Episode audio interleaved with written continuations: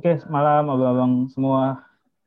Malam. Malam Bang Alfi, malam Bang Fitra. Malam pendengar podcast, nggak malam sih, malam pagi siang sore lah ya ke pendengar podcast Iluni. Uh, podcast Opini ini uh, obrolan seputar isu terkini gitu. Jadi di setiap podcastnya Opini kita bakal ngebahas uh, topik-topik yang seru banget dan topik-topik kontemporer seputar yang lagi hits dan jadi hot issue sekarang-sekarang ini. Dan sekarang kita kedatangan dua narasumber kece banget, ada Bang Alfi dan juga Bang Fitra. Ya, kalau udah ada dua narasumber yang kayak gini, pasti obrolannya kurang lebih bakal seputar ekonomi lah ya. Tapi lebih spesifik lagi kita bakal ngomongin soal uh, perinvestasian ya. Jadi investasi dan kondisi ekonomi sekarang, di mana kan lagi hits banget nih. Uh, apa tuh uh, influencer-influencer ini ya saham ya dan juga sekarang juga kabarnya kabarnya uh, investor retail tuh lagi naik banget nih kayak gitu. Nah kita mau ngomongin nih sekarang hari ini juga mau ngomongin soal isu yang kayak gitu. Jadi kenapa sih ada fenomena kayak gini kayak sekarang padahal sekarang kan lagi kondisi ekonomi yang bisa dibilang agak kurang jelas dan kurang kurang apa ya kurang kurang stabil lah kayak gitu. Tapi kenapa bisa jadi bisa jadi justru marak uh, soal-soal investasi kayak gini. Oke, okay. mungkin uh, mau ke Bang Fitra dulu kali ya. Bang Fitra, mau izin Bang? Ya gitu. Jadi kita mau bahas dikit Bang soal uh, ekonomi kita secara umum nih Bang. Kayak uh, gimana sih Bang sebenarnya kondisi perekonomian saat ini gitu Bang? Soal pandemi, soal prospek ke depan kayak gimana sih Bang? Ya, uh, melihat kondisi perekonomian, uh, ya kita harus melihatnya dari dua hal, ya, dari uh, perspektif expose dan perspektif atau pres presumsi ex ante, ya. Perspektif expose artinya ya kita melihat apa yang telah terjadi, presumsi ex ante artinya kita melihat apa yang akan terjadi. Ya. Nah, sepanjang tahun 2020 kita tahu bahwa uh, apa uh, ini adalah tahun penuh kesulitan ya dan tidak hanya Indonesia saja yang kesulitan hmm. tapi juga hampir seluruh dunia ya uh, kesulitan hmm. gitu ya even China juga sempat kesulitan di awal meskipun sekarang kalau kita lihat eh, negara-negara yang keluar dari resesi ya itu satu-satunya itu hmm. yang paling awal China ya kemudian disusul Vietnam hmm. uh, kenapa China keluar dari resesi lebih awal karena dia tahu cara menangani COVID dengan baik ya di tahun 2002 dan 2003 uh, SARS sempat menjangkiti China juga menjadi semacam pandemi juga di China. Uh, akhirnya ketika mereka menghadapi masalah yang serupa, mereka tahu cara cara penanganannya. Hmm. Nah, meskipun ongkosnya adalah minus 6,9 persen di kuartal satu, hmm. ya, dengan hmm. uh, Wuhan yang di lockdown dan juga beberapa uh, apa justru di kuartal 2, kuartal 3, kuartal 4 itu tumbuh positif.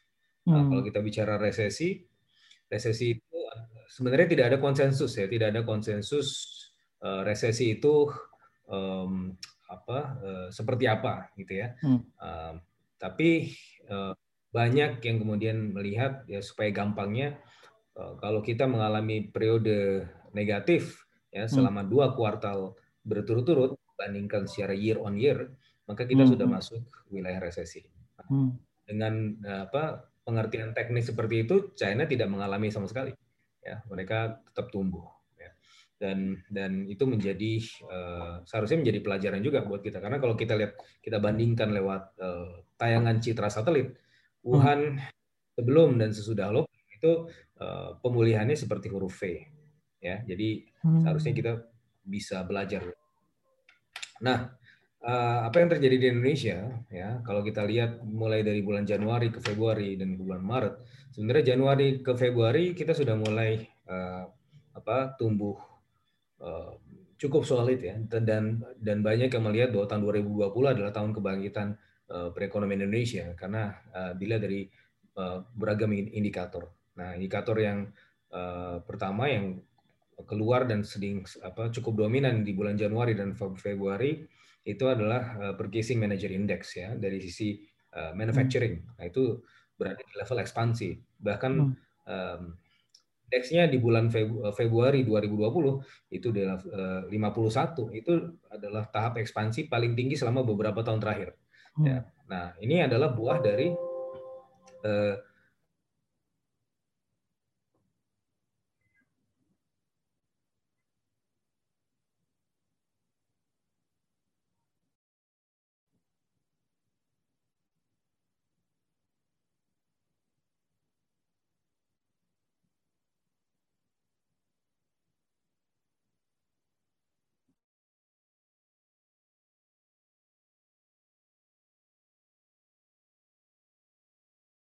Sepertinya ada gangguan jaringan ya di Bang Fitra ya.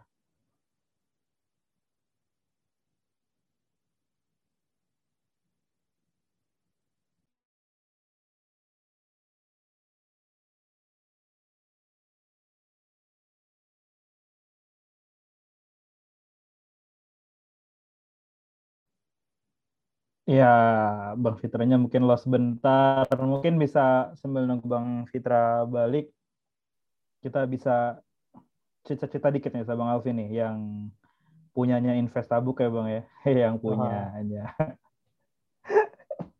Tadi sebelum kita mulai take uh, podcast ini kita udah sempat sempat ngobrol sama Bang Alfi soal dunia persahaman gitu ya. Jadi kayak nggak cuma saham tapi juga pasar modal in, in in global gitu ya dalam konteks umum. Kira-kira gimana nih Bang? Mungkin bisa overview dulu Bang soal dunia pasar modal saat ini Bang. Halo teman-teman pendengar podcast uh, opini. Uh, kalau ditarik setahun terakhir ya sebenarnya uh, pasar saham Indonesia itu sedang melalui masa-masa yang uh, dinamis tapi sebenarnya normal. Hmm. Jadi dinamis untuk orang yang mengalami, cuman untuk orang yang sudah sejak lama mengalami itu ini bukan hal yang baru gitu. Jadi hmm. uh, kita di Investable tuh suka bilang volatility di pasar saham itu fitur bukan bug.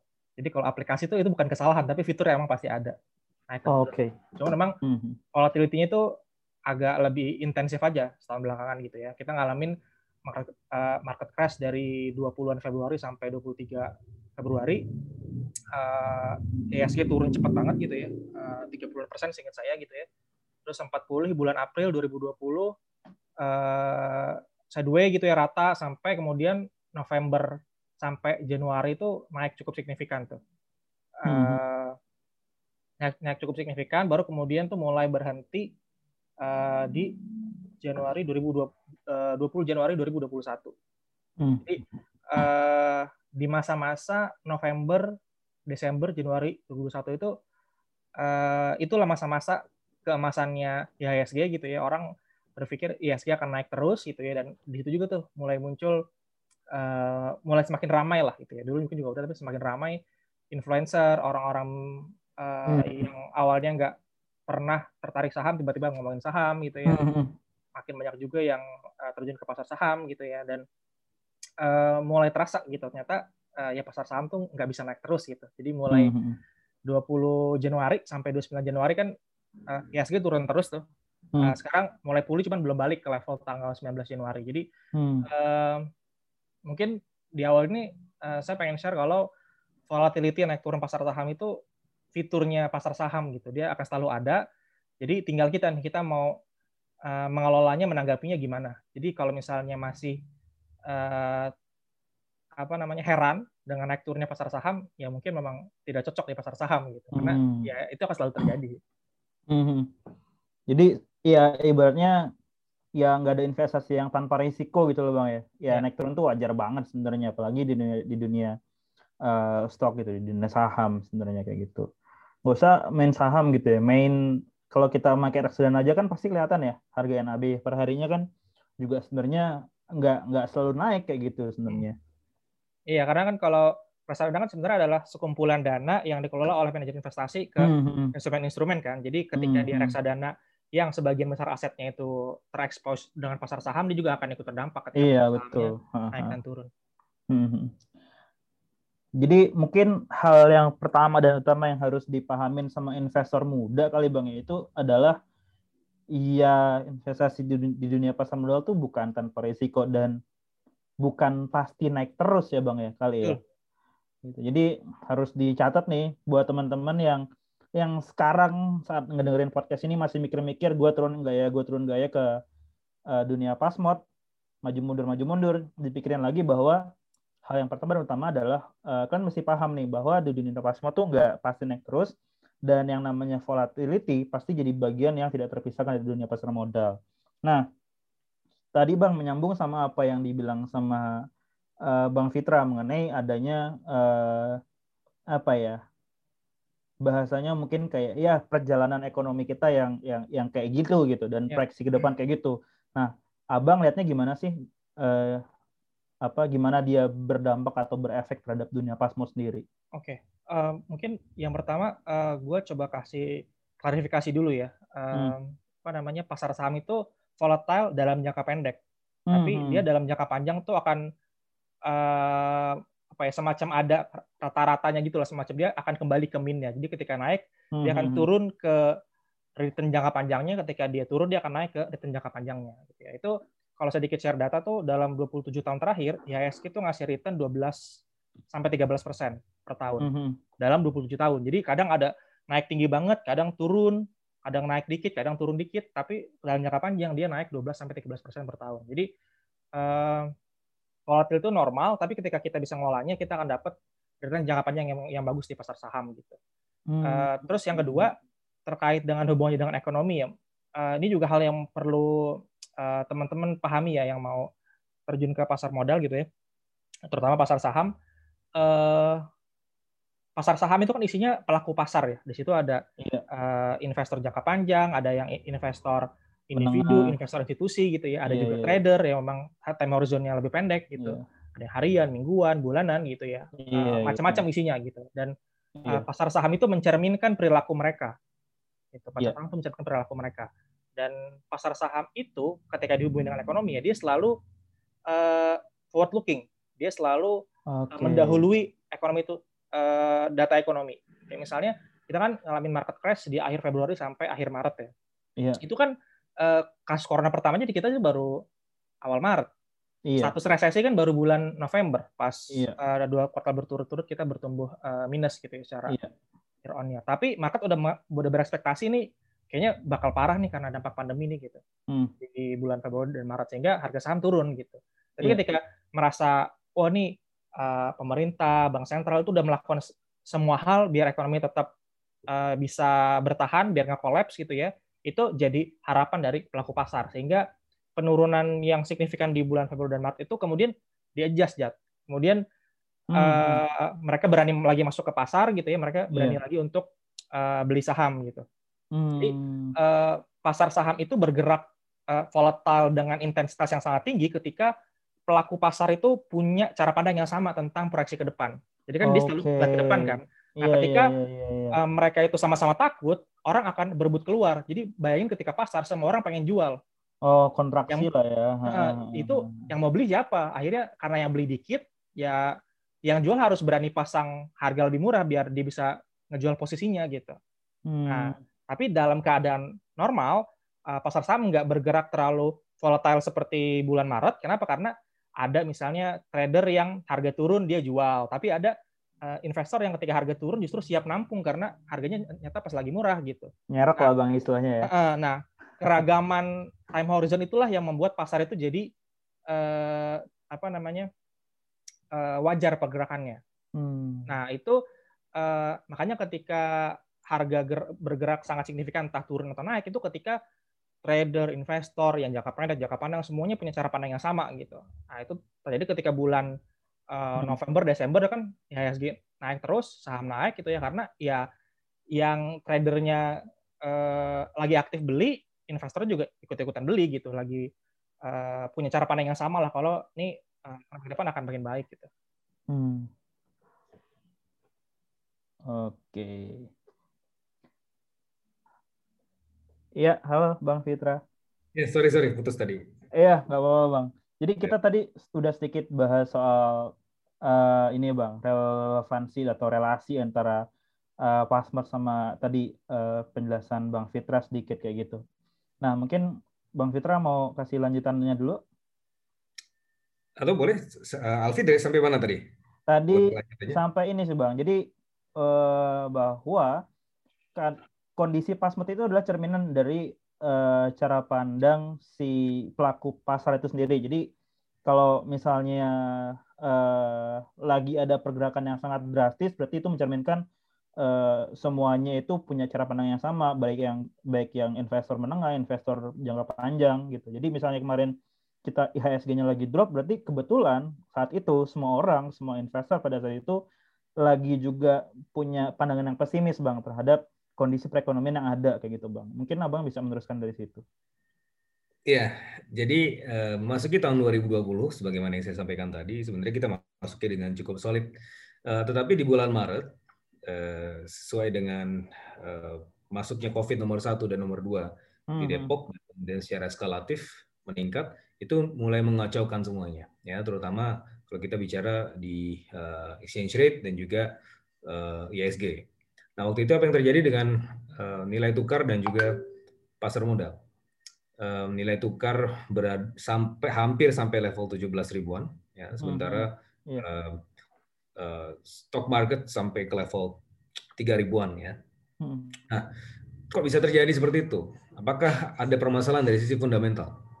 Nah, kalau kita lihat fondasinya, fondasi perekonomian yang melandasi pergerakan uh, dua indikator tersebut, seperti hmm. misalnya tadi uh, industri, terus juga kita lihat surplus neraca perdagangan yang terjadi di bulan Februari, juga kemudian eh, apa stimulus dari Amerika Serikat juga kemudian bagaimana Jerome Powell berusaha untuk melakukan ekspansi moneter yang cukup signifikan dengan menurunkan suku bunganya berkali-kali oh, itu sebenarnya adalah eh, dorongan positif buat rupiah hmm. dan juga uh, eh, ISG.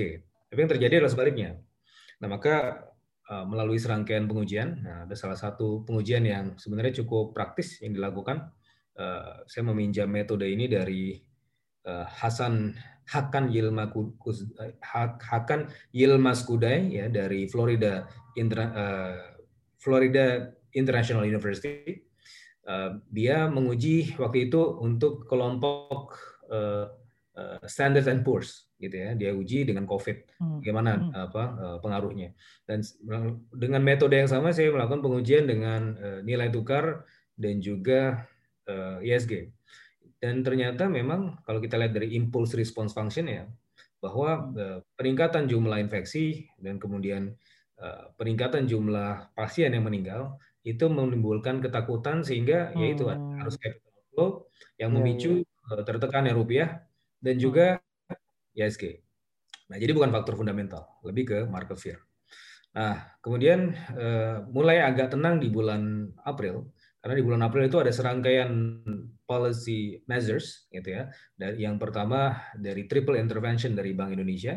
Jadi Bank Indonesia singkatnya mereka melakukan uh, apa intervensi pasar secara cukup agresif ya untuk kemudian menahan laju pergerakan rupiah supaya tidak terdepresiasi uh, hmm. lebih lanjut dan juga kemudian uh, membanjiri pasar dengan likuiditas yang mana uh, itu seharusnya bagus juga buat stock market Hmm. Kemudian uh, dari sisi uh, perencanaan kebijakan waktu itu di bulan April juga ada wacana untuk mengeluarkan paket stimulus. Hmm. Ya, paket stimulus. Meskipun sebelumnya di bulan Februari sudah ada POJK nomor 11 tentang uh, relaksasi kredit ya dan uh, restrukturisasi kredit ya waktu itu mengantisipasi apa yang akan di, apa akan terjadi di perekonomian kita dengan Covid ya meskipun pada bulan Februari itu belum uh, belum tercatat ya kasus COVID ya.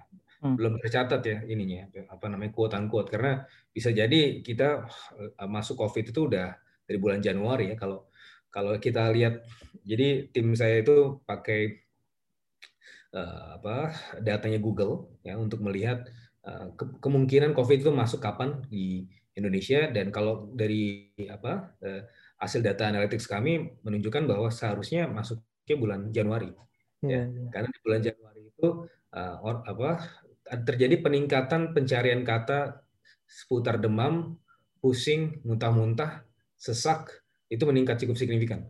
Ya, jadi uh, seharusnya kalau masuk itu bulan Januari, bukan bulan Maret.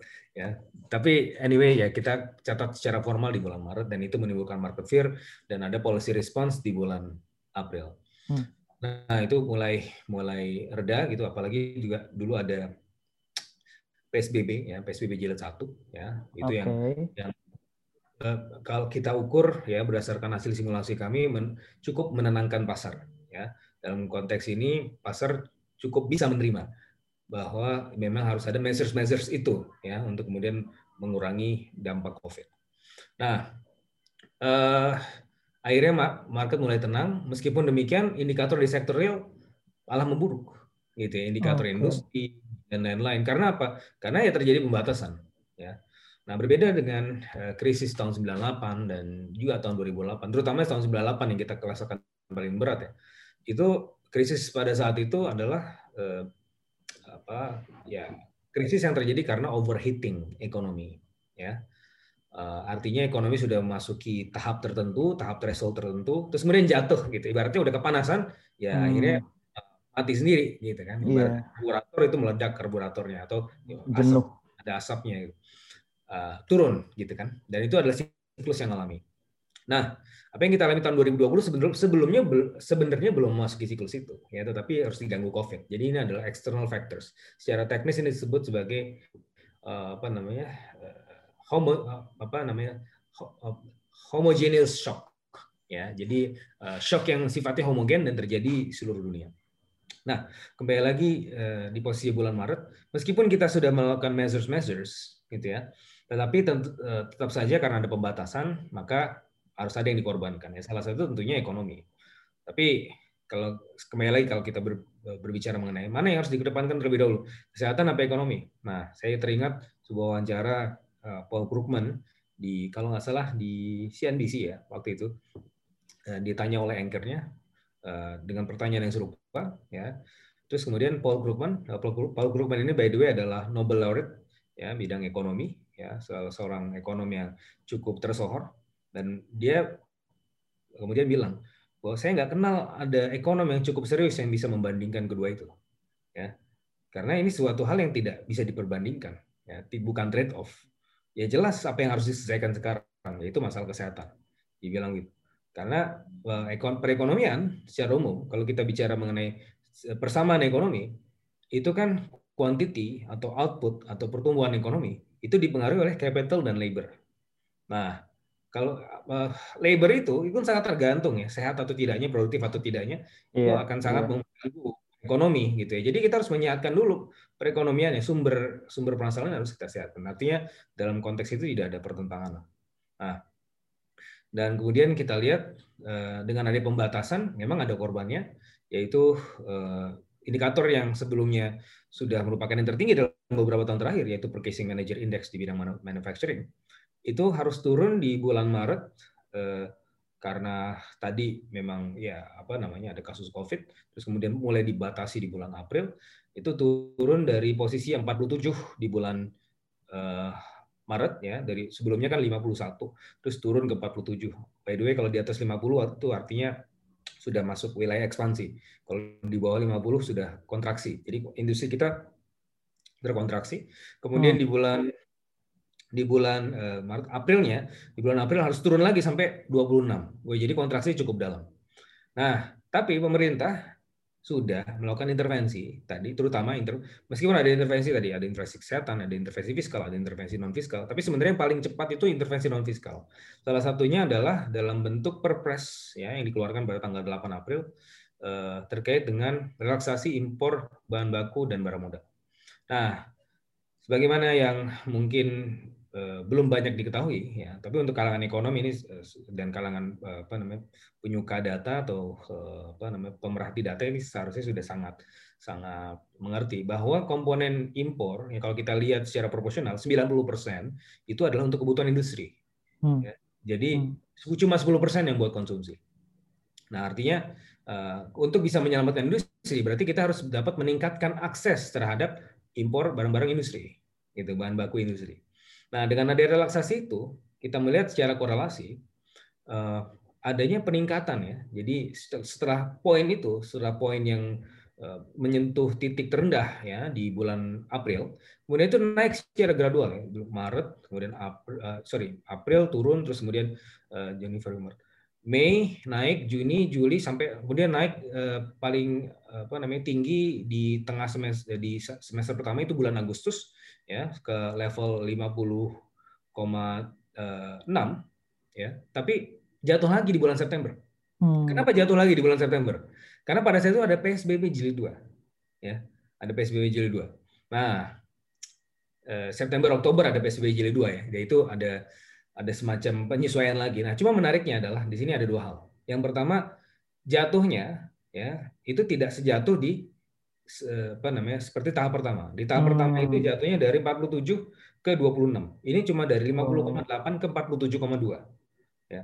Artinya kalau dilihat dari sisi itu, seharusnya perekonomian kita sudah relatif lebih solid karena sudah mampu disangga dengan sudah ada intervensi non fiskal, ada intervensi fiskal juga waktu itu sudah berjalan meskipun belum apa penyerapannya juga masih terbatas tapi sudah ada cukup kerasa lah ya. Eh, bahkan di kalau itu bulan September turun, di bulan Oktobernya naik lagi. Oktober, November, Desember sampai Januari 2021 itu tetap naik. Di Januari 2021 bahkan posisinya sudah di di, di apa namanya di atas 52. Nah, 52 ini indeks ini itu sudah tertinggi selama enam setengah tahun terakhir. Hmm. Gitu ya. Nah, jadi dalam kondisi itu sudah ada turning point. Nah, intervensi yang dilakukan di awal-awal itu sudah cukup signifikan dan uh, yang perlu diapresiasi memang dari awal ini adalah kebijakan ekonominya. Ya, uh, kebijakan kesehatan masih agak lambat waktu itu, tapi kebijakan ekonomi cukup powerful ya, karena kebijakan kesehatan waktu itu menterinya aja jarang muncul kan. Nah, nah kebijakan kesehatan waktu itu kita catat melalui uh, apa telaahan big data kita, kita melihat kita, kita mencatat yang salah satu respon paling cepat yang melakukan pernyataan-pernyataan paling awal terhadap terhadap apa namanya COVID ini adalah Sri Mulyani. Mulai dari bulan Januari, meskipun pada saat itu banyak denial, terutama dari Kementerian Kesehatan, tetapi uh, dari Sri Mulyani sudah bilang melihat bahwa ini akan ada dampaknya dan akan cukup signifikan berarti kita harus melakukan measures-measures tertentu. Ya, waktu itu mulai dari bulan Februari selain POJK sudah ada insentif-insentif fiskal. Ya meskipun jumlahnya tidak eh, tidak terlalu besar tapi sudah dimulai gitu ya. Nah, sampai kemudian eh, keluarlah besaran yang sebenarnya cukup baik ya sekitar hampir 700 triliun ya sepanjang tahun 2020. Nah, dari intervensi itu ya kita mulai melihat bahwa ada uh, tren kalah yang lebih baik. Terus yang kedua, juga ada beberapa statement ketika di PSBB jilid 2 ini ketika ada PSBB jilid 2 stock market crash. Nah, karena kita merasa tertarik untuk membuktikan pernyataan itu betul atau tidak, kita uji lagi gitu ya. Ternyata stock market crash itu bukan karena itu. Ya, itu adalah satu somewhat itu apa namanya mempengaruhi, hmm. tapi tidak terlalu signifikan gitu ya. Bahkan ketika ada pengumuman PSBB jilid 2 itu mulai kembali lagi ya kembali lagi ke uh, normal gitu ya baik nilai tukar maupun uh, apa namanya uh, stock market karena apa karena itu semua adalah fungsi dari covid gitu hmm, jadi hmm, ketika hmm. covidnya di ya kita kan bermain kalau di market itu kita bermain dengan persepsi ya kalau ketika ketika sudah dilakukan kebijakan yang menurut market itu sudah oke okay, ini yang gua harapkan berarti ya kita bicara persepsi, kita bicara ekspektasi ya berarti itu sudah kemudian membawa kembali tren ke arah yang lebih baik gitu. Nah, itu yang terjadi di uh, sepanjang tahun 2020. Nah, sepanjang tahun 2020 kita juga melihat ada beberapa hal uh, ada perkembangan dari as asset prices ya, stock market, bond, uh, gold gitu ya, yang meningkat secara cukup signifikan, disproporsional terhadap aset di sektor real. Ya, jadi kalau kita lihat pertumbuhan ekonomi, ketika kita lihat tumbuhan di sektor properti, kita ketika kita lihat indikator inflasi, ya, ya jadi ada aset price inflation, ya, disproporsional terhadap inflation di real sector. Kenapa bisa terjadi seperti itu? Nah, ini menarik juga. Salah satunya adalah karena pandemi, ya pandemi ini kalau kita lihat selama tahun 2020 eh, kenaik kenaikan kepemilikan equity meningkat. Hmm. Kenaikan kepemilikan bond meningkat meskipun pada akhirnya di tahun 2021 itu mulai berkurang.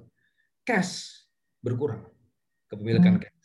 Ya. Kenapa? Karena mayoritas masyarakat dan ini ter, seperti tren global, bukan hanya di Indonesia, uh, itu mulai menghindari resiko di jangka pendek. Caranya apa? Dia masuk ke perbankan. Uh, kita lihat data di DPK atau dana pihak ketiga di perbankan itu naik 11 persen. Artinya perbankan kita nggak kekurangan likuiditas, justru berlimpah. Oke. Okay. Ya, banyak orang nambung tiba-tiba gitu. Dan itu kalau dilihat dari datanya, banyak yang di atas 100 juta ke atas akunnya. Dan bahkan yang pertumbuhan yang 5 akun yang punya 5 miliar ke atas itu juga meningkat gitu ya. Artinya ya kalau kita ini krisis enggak sih gitu. Kalau untuk yang 20% income level di atas, mereka nggak krisis, nggak resesi. Mereka justru mengalami peningkatan permintaan. Ya, karena hmm. beberapa sektor yang di mana mereka cukup dominan di situ ICT dan jasa keuangan itu meningkat. Gitu. Nah, artinya, tapi apa yang terjadi dengan uang mereka? Ya ditaruh di bank pertama, terus kemudian ditaruh di obligasi, terutama yang bertenor 10 tahun ke depan, 10 tahun uh, bertenor panjang itu untuk menghindari risiko jangka, jangka pendek. Uh, ya terus ada lagi yang juga main di market untuk mendapatkan uh, short capital gain gitu. Uh, apa? Karena ketika market crash itu adalah time to buy, ya dia masukin juga ke situ. Nah, itu jadi kita lihat bagaimana Elon Musk menjadi orang terkaya di dunia itu justru di masa pandemi. Ya, naik eh, selama tahun 2020 mengalahkan Jeff Bezos dengan Tesla-nya yang market cap-nya itu sungguh di luar nalar gitu. Nah, jadi meningkat cukup signifikan. Nah, bagaimana tren di 2021? Nah, kalau tadi kita bicara mengenai expose eh, apa perspektif, kita bicara sekarang presumsi ex. Bagaimana forecast-nya ke depan? Nah, forecast ke depan ini agak apa ya? Um, biasanya kalau saya melakukan forecast dan forecast saya sebenarnya kalau dilihat ya dengan apa namanya kenyataannya itu sebenarnya melesetnya nggak terlalu jauh biasanya ya. Jadi saya pernah waktu itu forecast pertumbuhan ekonomi itu cuma meleset 0,01 persen. Terus bahkan saya gunakan juga model forecasting saya ke penentuan juara Liga Inggris. Juara Liga, ya ya, saya lihat bang. 10 tahun ke depan, ya waktu itu kita bikin papernya, uh, apa?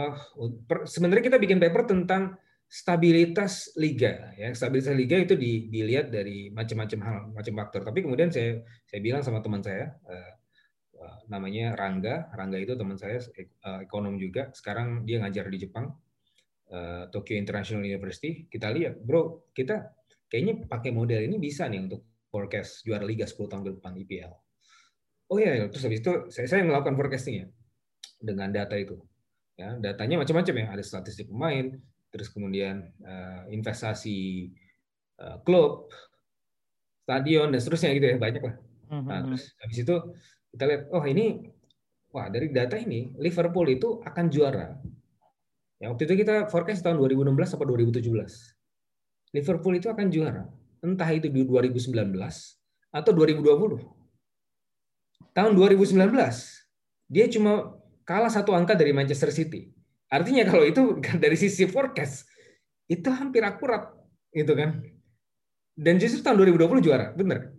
Jadi kalau dari sisi itu sebenarnya saya cukup bangga dengan hasil forecast saya. Cuma masalahnya selama pandemi itu agak susah ya. Karena hmm, hmm, hmm. faktor-faktornya jadi terdisrupsi gitu kita bingung gitu ya. Banyak faktor-faktor yang interlinkage.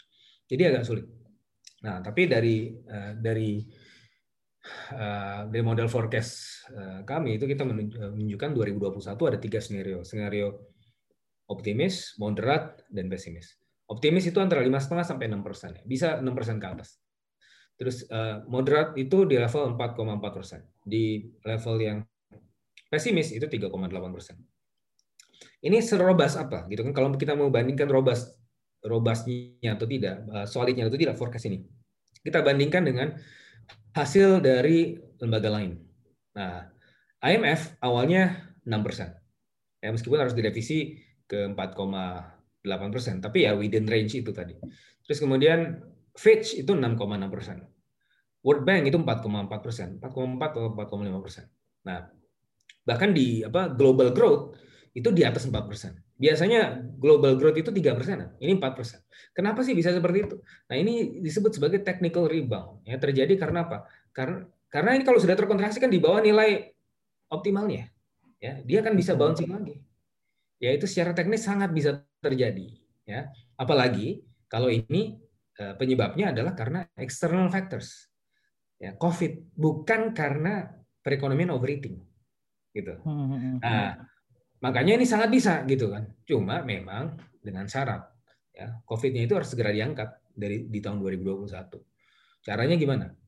Waktu itu saya tulis di Jakarta Post dua minggu yang lalu uh, vaccination race kita tulis bertiga tuh Alexander Yahya Datu, Fitra Faisal Asyadi dan Muhammad Rehan Ramadan itu uh, kita menulis uh, tentang vaccination race dan kita melihat bahwa apa yang target pemerintah 15 bulan itu sebenarnya kelamaan ya kita butuh satu tahun ya paling lama lah ya caranya bagaimana ya ikutin aja sama negara-negara lain ya terutama public private partnership kita sudah biasa ini menggunakan ini di infrastruktur, tapi ini sangat kita bisa gunakan juga di uh, distribusi dan juga pengadaan vaksin.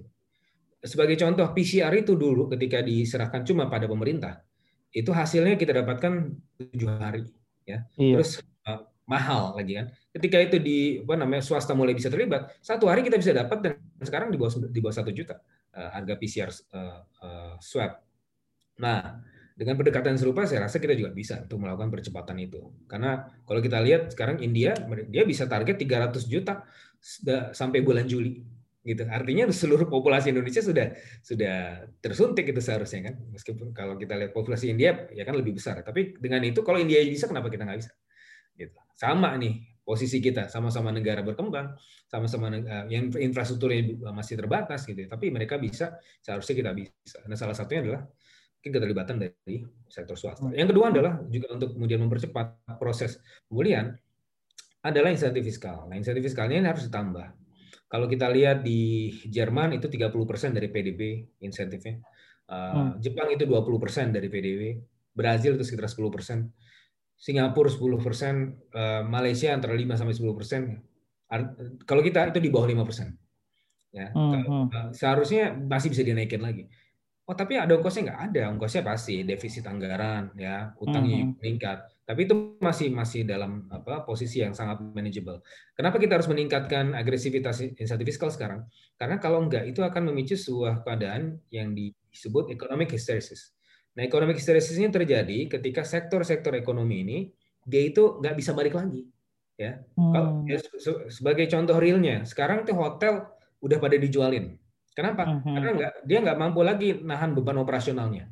Nah, mm. once hotel udah dijual, artinya itu aset terpenting dia udah dijual, dia mau masuk lagi, mau bangun lagi susah. Itu disebut susah. economic hysteresis. Maka kita harus mencegah supaya itu tidak terjadi. Kalau itu sudah terjadi, maka yang, yang terjadi adalah pertumbuhan ekonomi seperti huruf L. Artinya nggak bakalan balik lagi ke level awal. Dan kalau sudah seperti huruf L, itu akan mengganggu target kita untuk keluar dari jebakan pendapatan menengah. Gitu. Ini ada disrupsi yang cukup signifikan. Eh, dan ya itu yang harus dilakukan. Itu kurang lebih. Ya saya sudah kepanjangan silakan. Moderator sama Aldi. Tapi menarik banget bang. Tadi banyak banget yang dibahas terutama tadi juga bang Alfi udah nyebutin soal soal market itu sebenarnya masalah forward forward looking gitu mungkin bang Alfi bisa cerita apakah kemudian forward looking terhadap pasar yang optimis kayak gitu bang yang bikin kemudian uh, investor retail nih pada masuk gitu bang? Apakah tadi juga karena wah gue mau gue butuh nahan duit jangka panjang nih, makanya gue, gue masuk ke, ke ke ke ke pasar modal, ke saham dan sebagainya macamnya karena memang proyek kita tahu kalau investment kalau main saham dalam mode investment itu pasti long term gitu bang. Apakah kayak gitu bang Alfi? Jadi uh, pertama uh, alasan orang apa masuk ke pasar saham kita nggak bisa benar-benar tahu ya. Cuman dari indikator-indikator yang tersedia kita sebenarnya bisa buat analisis lah, bisa buat perkiraan gitu ya. Uh, saya sebenarnya duga gelombang investor baru 2020 orang suka bilang investor angkatan corona katanya. Jadi uh, 2020 tuh investor kita tuh naik di pasar saham ya itu 50 persen. Mm -hmm. Jadi mm. uh, 2019 akhir itu 1,1 juta investor saham. Mm -hmm. Akhir 2020 itu 1,7 eh, juta. Jadi 600 ribu sendiri itu di tahun 2020. Jadi wow. uh, meskipun nggak tahu pasti apakah dia masuk di bulan Maret ketika harga lagi rendah-rendahnya gitu ya. Itu juga kayaknya ada. Tapi juga banyak juga yang masuk ketika uh, pasar saham mulai istilahnya tuh strong bullish lah. Uh, kenaikan saham secara berturut-turut gitu. Itu di bulan November uh, Desember dan Januari 2021 gitu ya. Mm-hmm. Itu juga di masa-masa ramai itu ada uh, apa namanya mansurmologi, sangmologi lah semua yang ologi itu tuh juga ngehits di periode itu gitu ya. Uh, kalau kita coba analisis sebenarnya uh, dugaan kita tuh ada tiga faktor utama. Ya, jadi pertama tuh ada extra money, extra time, sama greed. Jadi emang hmm. ada duit lebih gitu ya. Orang suka ngira kan tadi udah disampaikan klunya sama Bang Fitra gitu ya. Ini resesi, ekonomi susah gitu ya. Tapi itu enggak berlaku di semua golongan gitu. Uh, nambahin data dari Bang Fitra tadi selain uh, eh, DPK perbankan meningkat, saldo tabungan di atas 2 miliar itu juga meningkat. Jadi kalau nggak salah tuh meningkat 4 eh, sampai 5 persen dibanding 2019. Jadi semakin banyak orang yang makin kaya yang tercermin dari tabungan di atas 2 miliar datanya LPS tuh makin banyak. Jadi mm -hmm.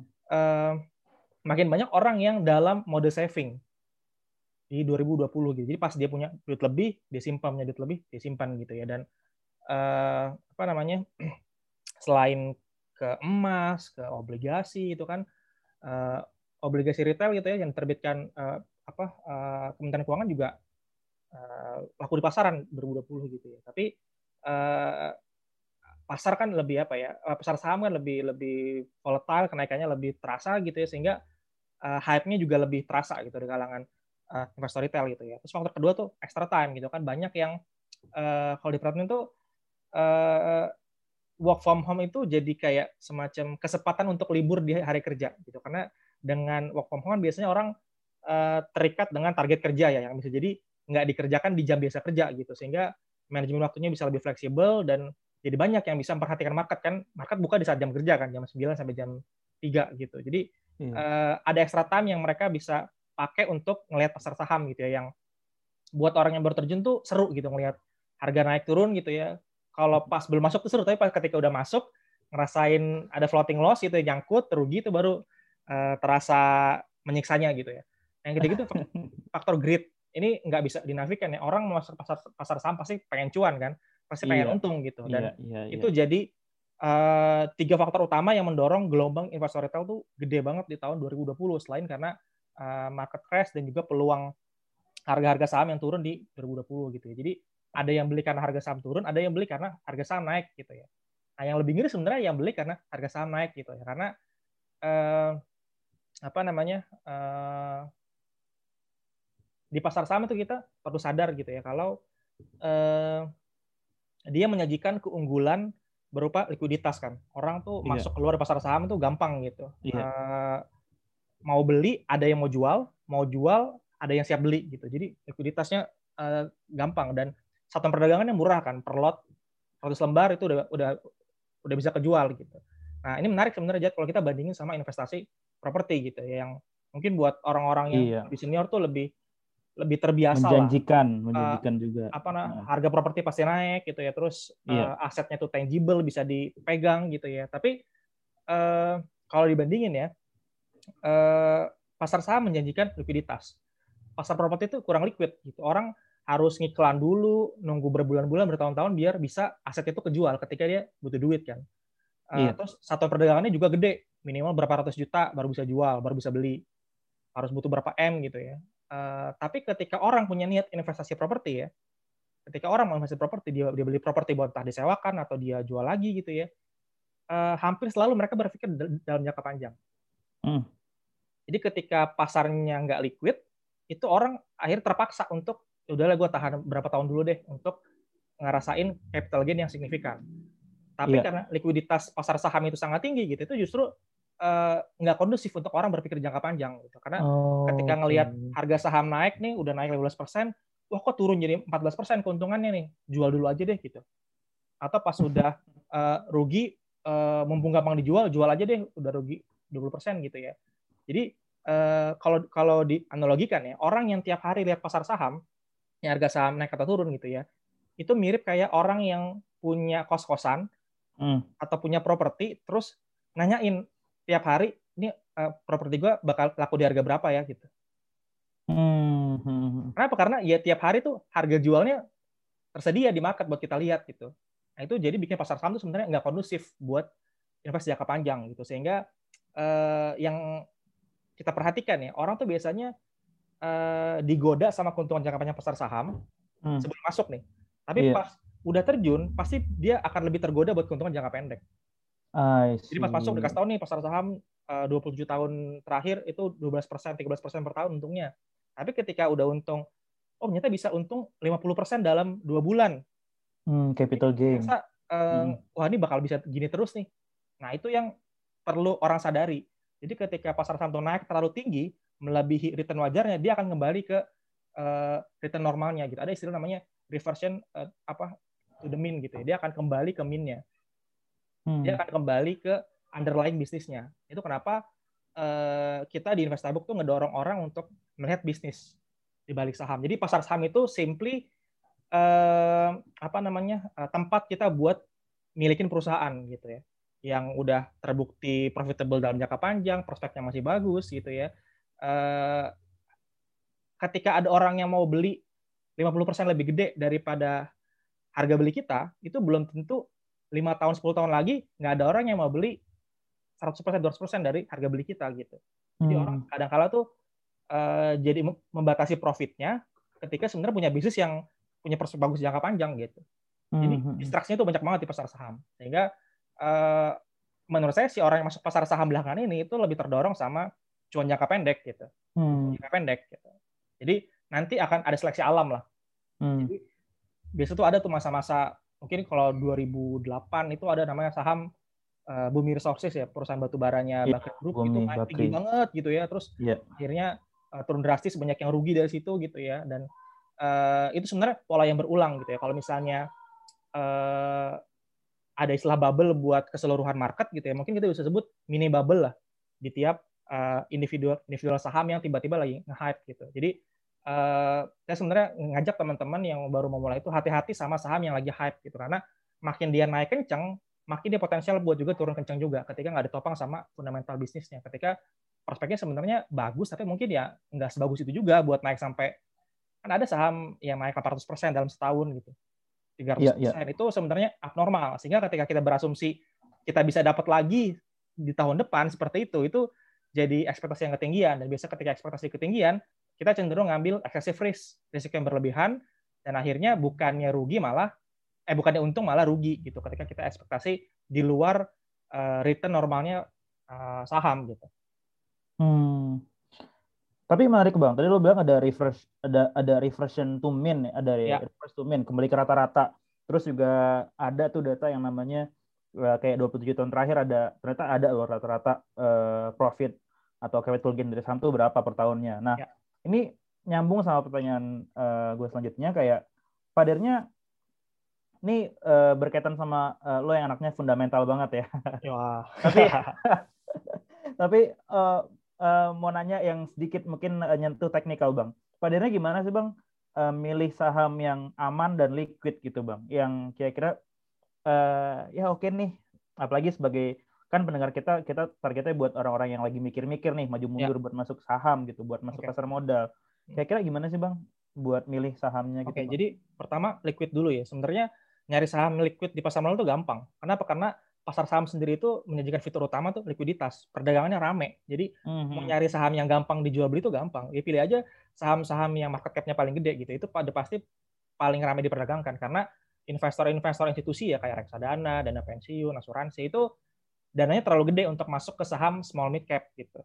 Sehingga dia hmm. pasti akan lebih banyak bertransaksi tuh di saham-saham yang big cap gitu, saham-saham blue chip gitu. Tapi bukan berarti kita sering bilang nih, bukan berarti saham yang small mid cap itu jelek. Cuman karena investor yang dananya gede nggak masuk sana, bukan berarti bisnisnya nggak punya potensi dan prospek gitu. Uh, jadi menurut saya likuiditas itu uh, nggak perlu terlalu dipusingkan selama ada uh, cukup perdagangan sesuai dengan dana kelolaan kita. Kayak misalnya kita uh, investor retail baru dan keluaran baru puluhan juta gitu ya itu sebenarnya nggak terlalu pusing nggak terlalu terlalu pusing sama likuiditas gitu karena ya ada kok saham yang seharinya menurut investor itu itu nggak liquid karena misalnya di perdagangan cuma belasan juta per hari gitu ya saham yang hmm. perdagangan tapi sebenarnya buat ukuran investor kecil itu sebenarnya ya masih liquid gitu. Hmm, jadi hmm, likuiditas itu nggak perlu jadi uh, hal yang dipusingkan gitu. Nah yang kedua soal aman. Ini uh, menarik ya. Uh, jadi um, di pasar saham itu uh, fitur terbesar saham itu adalah upside potensialnya. Jadi potensi upside-nya itu tinggi banget gitu. Jadi kita bisa dapat keuntungan besar karena bisnisnya memang bertumbuh gede, atau kita beli di harga murah sehingga ketika ternyata pasar berubah dari pesimis jadi uh, optimis, optimis, dia dihargai lebih tinggi dibanding harga beli kita dulu. Jadi ada dua sumber pertumbuhan tuh, pertumbuhan bisnisnya sama pertumbuhan ekspektasi pasar. Hmm. Nah, pertumbuhan bisnis itu sebenarnya adalah pertumbuhan jangka panjang yang yang yang paling berperan penting terhadap return jangka panjang. Hmm. Sedangkan uh, perubahan ekspektasi pasar tuh biasanya uh, kayak pendulum aja. Kadang tahun ini dia pesimis, tahun depan dia optimis. Dua hmm. tahun lagi pesimis, dua tahun lagi pesimis gitu. Jadi uh, tapi yang paling ngedrive returnnya uh, pasar saham itu adalah pertumbuhan ekonomi kita. Yang paling ngedrive return saham individual itu adalah return atau pertumbuhan profit dari uh, bisnisnya, dari dari dari perusahaannya gitu. Jadi uh, kalau mau cari hmm. yang aman, sebenarnya kita uh, lebih menyarankan pertama cari bisnis yang berkualitas. Hmm. Bisnis yang bisa menciptakan return dengan modal yang sedikit gitu gampangnya. Jadi okay. cuma dikasih modal 100 hmm. juta tapi bisa ngasih untung 20 juta gitu. Yeah. Itu terhitung banyak gitu. Jadi uh, apa namanya? efisien mungkin mengelola modal dari uh, investor gitu. Hmm. Yang pertama bisnisnya berkualitas. Yang kedua, manajemennya harus bisa dipercaya. Karena kan kita sebenarnya milikin perusahaan nih yang dikelola hmm. oleh uh, uh, manajemen nih, oleh agent tuh. Kita sebagai prinsipal yang punya dana tuh dikelola dana sama agent. Jadi mau reksadana kayak mau saham langsung itu kita sama-sama menitipkan uang. Beda kalau yeah. reksadana kita nitipin ke manajer investasi, kalau saham langsung kita nitipin sama manajemen perusahaannya, sama BOD-nya gitu. Nah, hmm. cari manajemen yang bisa dipercaya. Jadi ketika ada satu hal yang kita uh, bikin nggak bisa percaya duit kita ke sana, misalnya oh transaksinya banyak nguntungin grupnya sendiri gitu. yeah, misalnya yeah. Iya. Uh, apa namanya uh, fokusnya cuma ngambil dividen, meras cashnya perusahaan, padahal sebenarnya kita ngerasa ini perusahaan masih punya potensi bertumbuh nih, kenapa labanya dibagi jadi dividen semua gitu. uh, yeah, yeah, yang iya, ketiga yeah, yeah. itu harga masuk akal. Nah hmm. ini uh, sering kali orang ketika ngomongin valuasi gitu, itu fokus ke formula.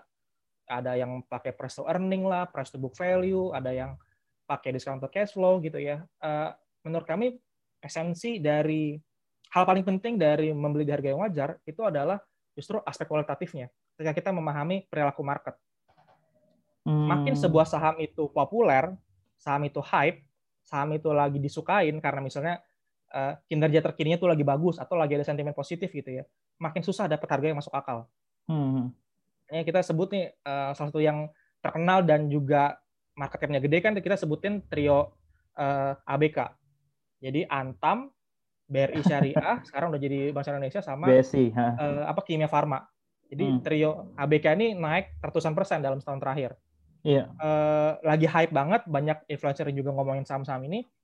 Nah justru itulah uh, di saat mereka paling mungkin buat jadi mini bubble gitu, buat nanti harganya turun drastis lagi gitu, karena uh, apa namanya di masa-masa seperti itu sebenarnya adalah uh, trader-trader uh, pelaku pasar jangka pendek itu lagi ngerubungin saham itu karena trader kan uh, ngejar saham yang lagi uptrend kan yang lagi naik signifikan gitu.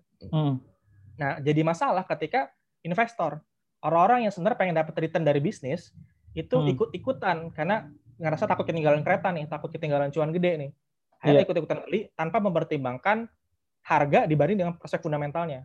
Oh, Karena okay. ketika dia makin hype, uh, harganya akan makin gak masuk akal dibanding prospeknya. Mm-hmm. Iya. Misalnya segede-gedenya ketika BRI Syariah, BNI Syariah, Mandiri Syariah itu merger, uh, nggak akan sampai 800% sih pertumbuhan labanya mm-hmm. di 2021 2022 gitu ya. Dan uh, yang kita pelajari ya, uh, risetnya Harvard Business Review, merger itu 70 sampai 90% itu gagal menciptakan uh, value yang diekspektasikan ketika harga kesepakatan gitu. Jadi hmm. sering kali harga merger akuisisi itu overvalued lah, tidak tidak tidak deliver gitu. Entah hmm. karena budayanya hmm. nggak sesuai kah, ada yang bertentangan segala macam gitu. Iya, iya, Dan iya. yang keempat yang juga nggak kalah penting uh, adalah simpen saham selama story waktu kita mau masuk ini masih uh, apa relevan. Misalnya kita masuk karena sahamnya bagus dan prospeknya bagus. Nah, selama prospeknya itu masih bagus di masa depan, jangan buru-buru dijual. Karena biasanya penyakitnya nih ketika udah sempat untung gede, untungnya turun, itu pengen mengamankan profit. Iya, iya, iya. Padahal mengamankan profit sama aja artinya itu membatasi profit. Iya, iya. Nah, kalau kita di Investabook tuh ngedorong uh, orang-orang untuk uh, ketika misalnya usianya masih muda, dana daruratnya udah ready gitu ya, saham buat pensiun gitu, fokus ke perusahaan yang punya growth runway masih panjang gitu. 10 20 tahun lagi itu masih bisa makin gede. Jadi yeah, yeah. masih belum sunset bisnisnya, masih ada potensial konsumen yang bertambah uh, dan harga beli kita tuh masih masuk akal gitu. Jadi uh, pilih saham yang kira-kira kita bisa nyaman lah buat hold sampai 10 tahun, 15 tahun ke depan gitu. Nah, hmm. susahnya di situ. Susahnya adalah kita harus berarti sabar ketika belajar, sabar analisis, dan juga sabar nyimpen. Jadi elemen terpenting dari pasar saham justru bukan aspek-aspek teknis, jad kayak analisis ini, ngerti laporan itu penting. Tapi yang paling penting adalah kesabaran, emosi, mental. Karena hmm. eh, kadang kan suka ada yang nanya nih, eh, misalnya dia udah niat nih mau investasi jangka panjang. Uh, Mas saham yang bagus buat jangka panjang misalnya eh, ICBP atau uh, Mior gitu misalnya. Uh, Indofood CBP atau uh, apa uh, Mayora. uh, Mayora Indah gitu. Dia kasih pilihan gitu.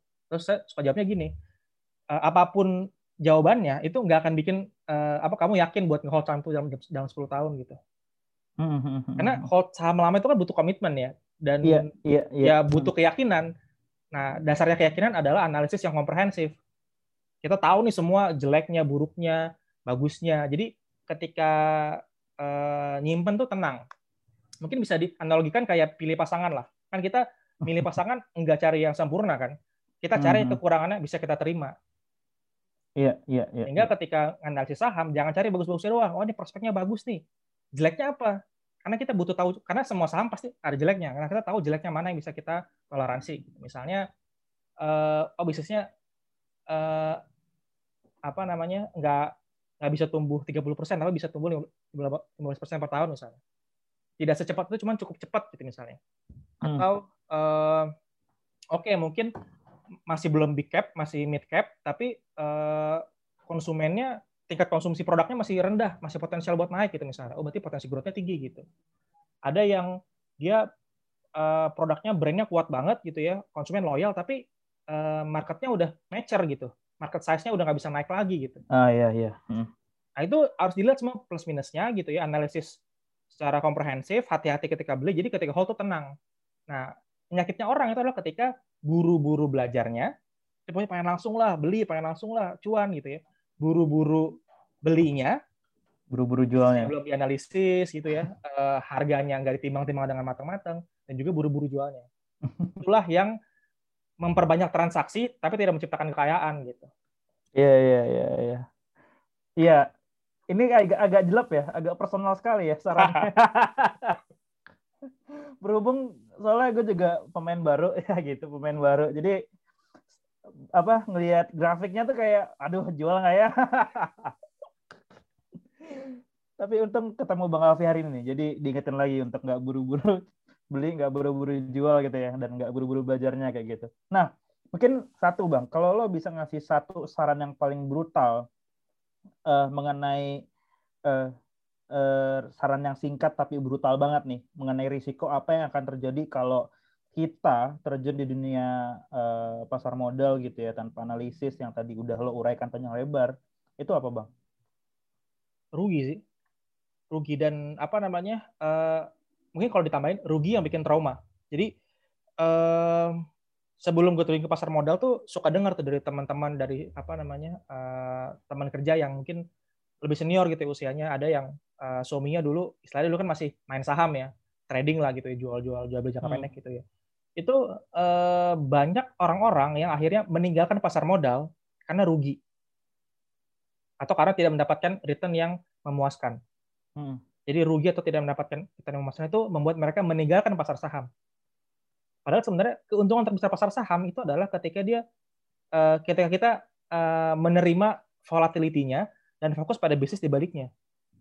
Karena hmm. dalam jangka panjang dia punya growth itu 12 sampai 13 persen.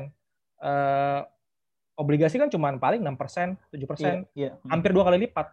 Dan kita ini uh, negara yang masih bertumbuh ya. Kita masih negara berpendapatan menengah gitu ya dan punya potensi besar nih untuk jadi negara maju, negara ber, berpendapatan tinggi ketika uh, apa namanya uh, pemerintahnya execute, bisnisnya execute gitu ya, konsumennya juga execute gitu ya. Uh, saya masih masih optimis banget sama perkembangan ekonomi kita ke depan yang akan juga ngedrive pertumbuhan dari bisnis-bisnisnya gitu. Hmm. Uh, bisnis-bisnis yang apa namanya listed di bursa efek yang di pasar saham. Sehingga jangan sampai kita ngejar cuan ratusan iya. persen, tapi akhirnya ketinggalan cuan ribuan persen. Karena kita oh, akhirnya trauma karena udah untung udah untung gede, kemudian ternyata rugi gede gitu ya. Karena ntar uh, saham-saham yang lagi hype naiknya tinggi gitu ya. Ketika nanti hype-nya hilang, orang akan berebut jual dan biasanya turunnya akan berkali-kali gitu. Mm-hmm.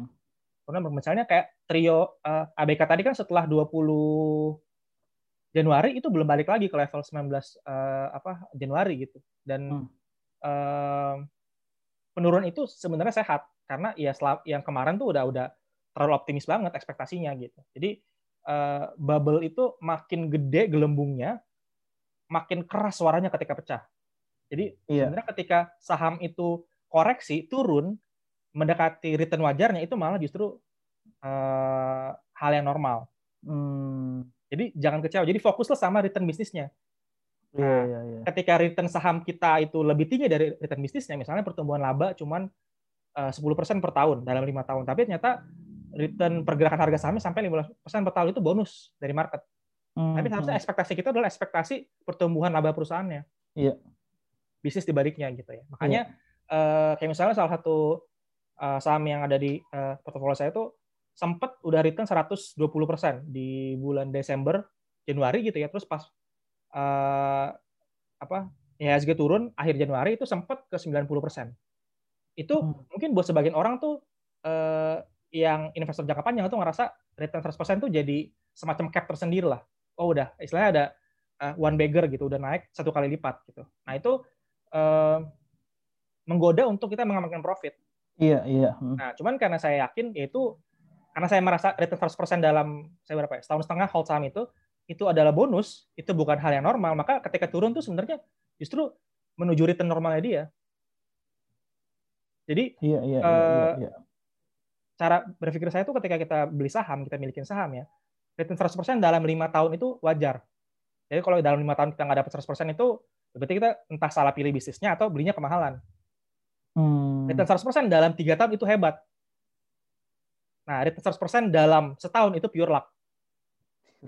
Murni keberuntungan. Jadi yeah, iya, ketika yeah, yeah. itu pure luck itu harus disyukuri, tapi jangan berharap bisa diulangin gitu. Karena itu pure luck. Apalagi yeah, yang lebih yeah. dari 100% gitu. Nah, hmm. ini eh saya ngajak teman-teman buat fokus ke bisnisnya, cari yang bisnisnya prospek, bisnisnya bagus, manajemen bisa dipercaya, harganya nggak kemahalan, saatnya bukan yang lagi hype gitu ya. Ya udah, uh, analisis dan komprehensif, terus uh, percaya sama prospeknya gitu. Nah, uh, mungkin terakhir apa namanya sering kali tuh orang melihat saham itu uh, murni aset keuangan gitu. Hmm. Padahal sebenarnya saham itu kan kepemilikan atas bisnis kan, yeah. yang mungkin agak beda sama uh, cryptocurrency yang yeah. lagi sekarang kan Bitcoin gitu. Itu benar-benar nggak yeah. ada underlyingnya. Murni faktor trust orang aja, uh, supply and demand aja. Tapi kalau saham itu supply and demand itu akan dikontrol sama fundamental bisnisnya. Jadi saham yang lagi hype sekalipun ketika ternyata fundamentalnya nggak bisa deliver, yeah. ekspektasinya ntar dia akan turun gitu. Iya, yeah, iya. Yeah. Sehingga uh, saya kurang suka tuh jat sama campaign atau kampanye melakukan investasi dengan cara misalnya uh, dibanding beli kopi, mending beli perusahaan kopinya gitu misalnya. Kenapa? Hmm. Karena ketika semua orang nggak mau beli kopi karena maunya investasi perusahaan kopinya aja, ya revenue perusahaan kopinya turun dong. Underlingnya nggak ada. ya kan, ntar yeah, kinerja yeah, perusahaan yeah. turun dong. Nah, itu yang terjadi di masa pandemi. Tadi yang dibilang Bang Fitra ada uh, aset uh, inflation karena orang ngejar ke aset keuangannya, tapi ekonomi realnya duitnya nggak diputer gitu. Iya, iya. Nggak dipakai buat konsumsi. Iya. Hmm, hmm, nah, hmm. konsumsi dan investasi itu harus jalan beriringan, harus hand in hand. Karena ketika konsumsinya uh, gede-gedean gitu ya, uh, akan terjadi inflasi di barang dan jasa. Hmm. Tapi ketika investasinya semuanya gitu ya, yang konsumsinya aja akan ada inflasi di uh, aset gitu.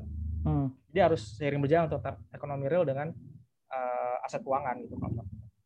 Iya, karena sebenarnya kalau ngomongin rugi ya bang ya, karena sebenarnya nggak pernah ada kerugian yang konkret sebelum lu jual kan bang ya. Betul, betul. Kayak misalnya kalau misalnya kalau di reksadana ketika NAB-nya turun kan sebelum kita jual sebenarnya masih masih ada masih nggak ada kerugian gitu loh. Yeah. Kita tinggal tungguin aja sampai NAB-nya naik lagi baru dijual. Hmm. Sama aja saham juga kayak gitu, nggak pernah ada kerugian sampai sampai lo benar-benar jual kayak gitu. Nah, mungkin itu yang yang bikin kita kurang sabar dan gregetan kali ya. Mungkin, mungkin ini kali Jat ya biar membantu cara berpikirnya gini, apa namanya? Uh, pasar saham itu memberikan harga kesepakatan pada hari itu atau pada detik itu hmm. orang mau beli dan jual di harga berapa. Iya. Sehingga harusnya kalau kita udah niat mau hold jangka panjang, kita kan belum mau jual saham di hari itu, di bulan itu, iya. di tahun itu. Jadi hmm. perlakuan misalnya saham itu kayak properti kita kalau misalnya kita punya properti gitu. Kita baru cek harga ketika kita pengen jual gitu. Kita punya ada kepentingan pengen beli baru atau pengen jual yang udah kita punya, baru kita cek harga. Kayak hmm. buat mengisi waktu nih kalau teman-teman ada yang apa namanya punya waktu luang karena wifi segala macam, mendingan dipakai buat baca laporan keuangan, baca laporan tahunan, analisis bisnis, analisis industri, cari bisnis yang emang uh, punya prospek gede tapi orang belum banyak yang tahu. Di situlah hmm. letak uh, keuntungan terbesar di pasar saham. Ketika kita fokus untuk uh, nyari apa yang uh, banyak orang belum tahu atau nyari apa yang pemain gede nggak bisa sentuh gitu. Itu kenapa saya lebih prefer sebenarnya small mid cap gitu saham-saham yang mid cap ya kapitalisasi kecil atau menengah meskipun juga bukan berarti big cap jelek ya karena ada juga big cap yang sebenarnya masih punya potensi growth yang tinggi gitu mm-hmm. nggak nggak semua big cap itu udah mature lah juga ada yeah. juga yang masih punya potensi growth yang tinggi gitu iya iya mungkin ini bang kita masuk ke penutup buat bang Fitra dan bang Alfi mungkin bisa kasih masing-masing aja mungkin bisa kasih apa ya saran, masukan, rekomendasi gitu ya. Gimana sih uh, pengelolaan keuangan yang aman dan berkelanjutan, terutama menghadapi uh, situasi pandemi ini yang mungkin dari forecast Bang Fitra ada bahkan kita masih punya skenario optimis di tahun depan kayak gitu ya. Mungkin dari Bang uh, Fitra dulu. Ya, jadi um, intinya adalah kita jangan terbawa animal spirit gitu ya. Jadi kita menamakan animal spirit. Animal spirit itu artinya um, jarak antara apa um, keputusan gitu ya untuk melakukan sesuatu ya dengan otak itu terlalu jauh. Ya. Hmm. Nerve system kita yang bekerja atau yang biasa disebut sebagai apa sih? Uh, apa sih otak kadal ya itu kan dia bergerak berdasarkan nafsu aja. Ya, hmm. kita bicara kalau misalnya brain. apa the nature of investment ya sebenarnya jangka menengah panjang gitu. Nah kalau uh, tadi sebenarnya sudah disampaikan oleh uh, Alfi ya uh, berapa yang yang sebenarnya cukup menjadi fondasi dasar untuk melakukan investasi. Dan sayangnya di tahun 2020 kita banyak melihat uh, investor newbie yang banyak termakan uh, gelombang uh, apa ya gelombang yang yang tidak bisa dipertanggungjawabkan atau belum bisa dipertanggungjawabkan gitu. Hmm. Um, kenapa itu terjadi ya? Pertama ya karena pandemi ya itu uh, tadi generasi rebahan segala macam dia ya, mereka nggak punya uh, kerjaan gitu ya, uh, punya banyak free time sehingga mereka melakukan sesuatu. Tapi masalahnya adalah yang mereka investasikan adalah bukan uang dingin. Bahkan mereka mau pinjam duit gitu ya, pinjam online apa segala macam, gadain BPKB atau segala, kalau kita lihat kemarin dari beritanya. Untuk mengejar tadi ya keuntungan-keuntungan sesaat, ya keuntungan jangka pendek, apalagi dipengaruhi oleh selebritas, selebgram dan seterusnya yang kemudian berusaha untuk uh, memberitahu quote unquote bahwa saham ini bagus, saham ini saham ini bagus sudah ikutin gue deh gitu kan. Padahal kalau kita bicara code of conduct-nya eh, investment manager di pasar, gitu ya, ketika mereka me, apa, mau apa, memberikan semacam nasihat gitu ya pada para pemegang saham ya mereka ini ada kode atau kode etik gitu ya, dia mereka tidak tidak sembarangan. Iya. tidak sembarangan kemudian mengajak orang untuk kemudian uh, memilih saham ini dan memilih saham itu. Dia juga memperkenalkan profil resikonya itu yang tadi disebut oleh uh, Alfi. Ya, profil resikonya harus jelaskan. Kalau enggak, orang akan melihat yang baik-baiknya aja. Nah ini terjadi di tahun uh, 2002-2003 ketika ada redemption hmm. reksadana kan jauh sebelum uh, apa namanya stock market kita berkembang secara seperti sekarang. Dulu ada redemption reksadana. Sebenarnya pemicunya kecil. yaitu ada pemindahan dari kalau nggak salah dari dana pensiun dia tarik dananya mau pindah sebenarnya ke investasi yang lain. Itu sebenarnya aksi korporasi biasa. Tetapi kemudian uh, di pasar kelihatan wah ini ada sesuatu nih dana pensiun keluar segala macam sehingga memacu semacam redemption yang berlebih-lebihan. Nah masalahnya pada saat itu ya mayoritas nasabah dari reksadana pada saat itu itu tidak tahu apa yang mereka pegang. Karena mereka berbekal dari pengetahuan dari sales salesnya itu kalau saya telusuri pada saat itu adalah sales yang tidak dibekali oleh pengetahuan uh, fundamental yang memadai gitu mereka kasih tahu oh, ini bagus nih pak segala macam profil resiko yang diperkenalkan uh, dan seterusnya. Uh, yang dipekerjakan sales-salesnya adalah yang cantik dan ganteng aja yang bisa mengaruhi orang. ya, ya, ya. Ya, yang bisa mengaruhi orang untuk membeli reksadana ya, sehingga terjadilah kemudian disaster tersebut. Bahkan jangan jangankan orang orang awam ya. Orang yang sebenarnya di level elit aja DPR waktu itu ketika ada kasus itu kan dipanggil tuh. Uh, dia nggak tahu bedain reksadana sama dana reksa. Jadi ya reksadana sama dana reksa ini nggak tahu bedanya apa. Nah, nah dengan kalau kita fast forward ke sekarang gitu ya selebgram itu adalah ibaratnya sales-sales yang dulu ya secara offline ya Eh, mempengaruhi masa. Ini juga sama, tapi iya dengan segala pengaruhnya segala macam, dengan ustadz dengan segala doa doanya mungkin ya yang dipercaya. gitu. Oh ini pas ustadz mana mungkin sih bohong. Gitu. Akhirnya diikutin. Nah OJK juga sebenarnya kan kita di, di grup ekonom uh, eh, UI ada kan orang OJK ini gimana sih? Gitu apa namanya pom pom apa seleb seleb pom pom ini apa nggak ada yang ngingetin? Ya kita sudah berusaha untuk mengingatkan. Mungkin sungkan kali ya ngingetin selebgram eh, yang eh, figur-figur penting ngingetin ustadz gitu ya mungkin takut dikutuk gitu jadi batu hingga akhirnya eh, ya itu apa himbauan-himbauan saja gitu kan. Dan yeah. tapi ini adalah suatu hal yang sebenarnya uh, tidak sehat gitu ya sangat tidak sehat. Ketika orang yang bekerja di luar bidang pekerjaan yang mempengaruhi orang lain untuk membeli harga saham tertentu itu suatu hal yang sebenarnya sudah tidak sehat dan hmm. ketidaksehatan itu kita kemarin lihat ketika sosial media kawin dengan kemudian agresivity di masa pandemi, dimulai kemudian GameStop, GameStop kemarin kan. Iya. Kok bisa orang-orang dipengaruhi untuk membeli itu kan itu itu suatu suatu hal yang sebenarnya cukup menarik ya untuk dibahas. Nah, uh, makanya sebenarnya saya sama teman-teman sama mahasiswa saya sekarang bimbingan uh, saya pakai apa sentimen analysis untuk menguji apa eh, perilaku sentimen di pasar gitu di sosial media untuk kemudian diterapkan di pasar saham. Nanti mungkin kalau sudah keluar hasilnya kita bisa diskusikan lebih lanjut. Iya. Menarik banget Bang. Kalau boleh saya ambil key pointnya mungkin yang paling penting adalah jangan investasi pakai dana panas ya Bang ya. Tadi iya. di awal ya. Istilahnya uang dingin lah. Tapi kalau iya. udah yang berkeluarga, uang laki lah. Uang yang enggak enggak enggak, oh. Belanja istri anak tuh jangan sampai. Kalau misalnya yeah, udah, yeah. udah repot. Aduh. Ini nggak tahu deh pendengar pada ngerti nggak nih uang laki ini? Uang bandel bang istilahnya bang. Iya jajan bang jajan. Bang jajan. Ya mungkin bisa ke bang Alfi soal uh, bagaimana mengelola keuangan di kala krisis Bang menghadapi situasi yang kayak gini dan ke depan rekomendasi saran atau pendapatnya Bang? Uh, mungkin selain dari poin yang sudah disampaikan tadi uh, untuk ngebungkusnya ya itu uh, keep learning sih terus belajar gitu karena uh, apa ya uh, menurut saya tuh pasar saham tuh salah satu tempat yang tepat untuk kita belajar rendah hati hmm. pasar saham itu salah satu tempat yang tepat untuk kita belajar rendah hati gitu karena uh, di pasar saham tuh orangnya jenius sekalipun tuh bisa terlihat bodoh gitu.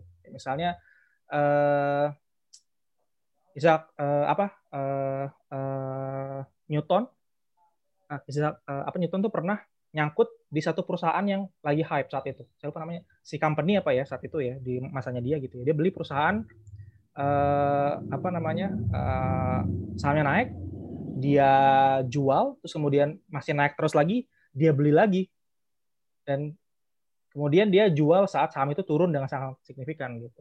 Jadi seorang yang jenis sekalipun tuh bisa jadi bodoh di pasar saham karena pasar saham itu banyak banget variabelnya hmm. dan emosi yang lebih mempengaruhi kita dalam mengambil putusan.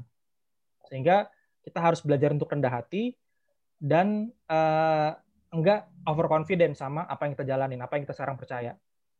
Karena uh, berhasil dia dia nggak bakal jadi ilmuwan dan kita nggak akan mendengar teori gravitasi. Iya benar. Kalau misalnya dia kaya ya. betul betul betul bang. Iya iya iya. Gitu. Jadi uh, apa namanya? Uh, kadang tuh susah jat bilangin orang yang benar ketika lagi untung. Ketika lagi cuan tuh hmm. kita ngomong apa? Misalnya, wah oh, ini harganya udah kemahalan nih, udah udah udah mini bubble nih, udah segala macem. Nggak kadang karena mau dia masih dalam posisi untung gitu. Kayak orang jatuh cinta lah ya. Iya gitu sehingga ah, iya, iya, iya. yang paling penting adalah ya jalanin aja sambil belajar gitu karena iya, jalanin uh, sambil eh, belajar. jangan sampai jadi pokoknya jangan sampai inilah jangan sampai uh, ketinggalan potensi jangka panjangnya pasar saham hanya karena kita melakukan kesalahan-kesalahan bodoh gitu. Jadi limitasilah kebodohan kita di pasar saham dengan cara ya terus belajar, tidak overconfident, uh, open minded sama berbagai opini, nggak cuma mau dengar bagus-bagusnya doang gitu. Jadi ketika kita hmm uh, mau rendah hati, terus belajar, uh, kita punya potensi besar buat menikmati keuntungan besar dalam jangka panjang di pasar saham. Karena ini mengutip dari uh, apa uh, apa uh, Warren Buffett gitu ya. Karena kalau ngomong investasi kalau nggak ngutip Buffett itu kayak ada yang kurang gitu. Uh, in order to succeed, we have to survive. Jadi buat buat bisa sukses kita harus survive dulu. Nah, kadang kala orang tuh ngejar sukses jangka pendek yang bikin mereka nggak survive dalam jangka panjang. I see. Siap. Thank you abang-abang semua. Mungkin buat sum up uh, obrolan kita hari ini, mungkin simpelnya mungkin bisa dilihat di berbagai macam meme yang udah teman-teman lihat mungkin ya yang ada ada meme orang naik tangga gitu ya. Yang kan yang pertama tuh ada proteksi gitu ya. Terus emergency fund. Tapi orang-orang yang masuk atau kata Bang Alvi investor angkatan corona alih-alih uh, nyiapin emergency fund, nyiapin proteksi aset, langsung uh, hari ini beli saham apa bro? Iya, gitu. Iya, iya. gitu ya. Dan mungkin yang jadi sum juga adalah uh, kalau mau investasi atau mau berarti muter duit, bahasa Bang Fitra nih mungkin jangan pakai uh, duit panas gitu ya, pakailah duit bandel atau duit laki gitu ya. Jadi ya, jangan sampai tuh namanya gadein BPKB, minjem duit pinjol segala macam buat kita puterin gitu. Jadi lagi-lagi mungkin balik ke yang lagi beredar sekarang, nyiapin emergency fund, nyiapin proteksi aset, baru mungkin kita bisa melangkah ke yang lebih jauh seperti investment. Mungkin abang-abang ada promosi atau dagangan yang mau dijualin dulu, Bang Fitra dan solusinya atau ya, Bang ya. Tapi, uh, Alfi dengan tapi ada satu ada satu tabuknya. Jati yang tadi kelupaan. Siap. Uh, akan ada periode bubble berikutnya, itu sudah pasti. Ya. Okay. Dengan 1,9 triliun US dollar yang diekspektasikan dari uh, periodenya Biden bahkan bisa lebih ya kalau kita okay. lihat. Ya, apalagi ada kalau ada demokrat eh, democratic democrat swap gitu ya di parlemen itu bahkan bisa lebih tinggi lagi itu uh, paket stimulusnya. Um, dan mayoritas dari mas, apa namanya ekonom sudah melihat bahwa uh, ya ini akan memicu bubble, ya itu yang akan memicu uh, inflasi. Tetapi lebih baik itu daripada perekonomian tidak diselamatkan ya. Ini dia menyelamatkan perekonomian gitu kan. Tapi ini akan memicu bubble berikutnya seperti yang kita alami di tahun 2008 kemudian iya. memicu apa Great Financial Crisis dan kemudian ada uh, stimulus lagi dan stimulus itu memicu kemudian taper tantrum gitu ya. Jadi mm-hmm. pasti akan kita lihat akan ada peningkatan yang cukup signifikan kalau kita bicara di pasar akan ada terjadi peningkatan signifikan. Kalau terjadi peningkatan signifikan itu jangan kaget dan hmm. ketika turun juga jangan kaget juga, karena ini siklus aja. Yep. Gitu ya. Dan kayaknya kalau, kayaknya ke depan uh, uh, Bitcoin tuh bang yang yang lagi hype berikutnya kayaknya. Iya. Bitcoin dan kawan-kawannya kayaknya nih. Bitcoin itu adalah satu hal yang lain ya dan uh, ya itu yang bikin aja kan kita nggak tahu ya satu iya, Nakamoto blockchain blockchain orang beneran atau kumpulan orang kita juga nggak tahu dia orang Jepang apa gimana gitu kan hmm. tapi yang jelas kalau Bitcoin ini uh, sedikit cerita mengenai Bitcoin ini sebenarnya adalah uh, apa namanya aktivisme aktivisme yang menolak sistem keuangan yang ajak ya. Hmm, jadi selepas betul. 2008 ya the great financial crisis dia ngelihat oh the Wall Street nih makanin duit orang-orang segala macam ya bank sentral itu terlalu powerful. Sehingga yang yang eh, dilakukan oleh satu Nakamoto ini entah siapa orangnya dia melihat bahwa uh, ini harus didesentralisasi. Orang-orang tuh harus punya power sendiri gitu ya. Jangan jadi jangan dikasih kekuatan penuh pada satu orang, pada satu institusi, tapi harus didesentralisasi. desentralisasi tapi ya bersifat komunitas gitu. Makanya ada ledger, ada blockchain dan seterusnya. Dan dan itu kemudian ya kita lihat ya meningkat secara cukup hmm. signifikan. Apalagi sekarang ada pom-pomnya juga uh, Elon Musk. Elon Musk kalau di pom-pom lokal Kapten Crypto, Bang. Bang Raffi tahu ya, tuh. Itu bagian dari ekosistem apa uh, crypto coin, uh, cryptocurrency. Kurang lebih gitu. Jadi. Ya, mungkin kalau mau lebih tahu soal uh, next policy bisa dicari ke mana, Bang Fitra? Dicari di webnya aja ada next policy uh, di oh, Google okay. Oke, okay, Bang Alfi, kalau mau cari tahu lebih banyak soal Investabook bisa dicari ke mana, Bang? Paling update sih di Instagram ya kita uh, at Investabook underscore itu kita uh, hampir tiap hari update konten dan mungkin kalau buat yang tertarik mau follow dan konsumsi konten kita tuh mesti pikirannya terbuka ya karena uh, suka bikin mikir dan mer, apa ya me, mm-hmm. menggoncang keimanan investasi lah gitu. karena kita suka sharing cara pandang yang tidak mainstream karena uh, yang tidak mainstream itulah uh, yang paling besar potensi keuntungan. Siap. Thank you Bang Abang atas waktunya buat hari ini. Uh, buat teman-teman mendengar podcast Iluni, opini, obrolan seputar isu terkini, semoga dapat insight yang mencerahkan buat yang masih maju mundur buat investasi. Semoga makin yakin buat maju atau yakin buat mundur nggak tahu juga sih tapi at least kita dapat pemain lebih baik lah kalaupun jadi maju kita tahu ada resiko apa aja kalaupun nggak jadi maju ya kita tahu kita meninggalkan potensi apa kayak gitu terima kasih sekali lagi buat bang Alvin dan bang Fitra semoga selalu sehat ya bang ya di masa pandemi kayak gini. Semoga selalu sukses uh, Investabuk dan juga next policy-nya. Sampai jumpa di uh, pertemuan atau podcast berikutnya ya bang. See you. Selamat malam. Selamat siang sore malam buat teman yang lain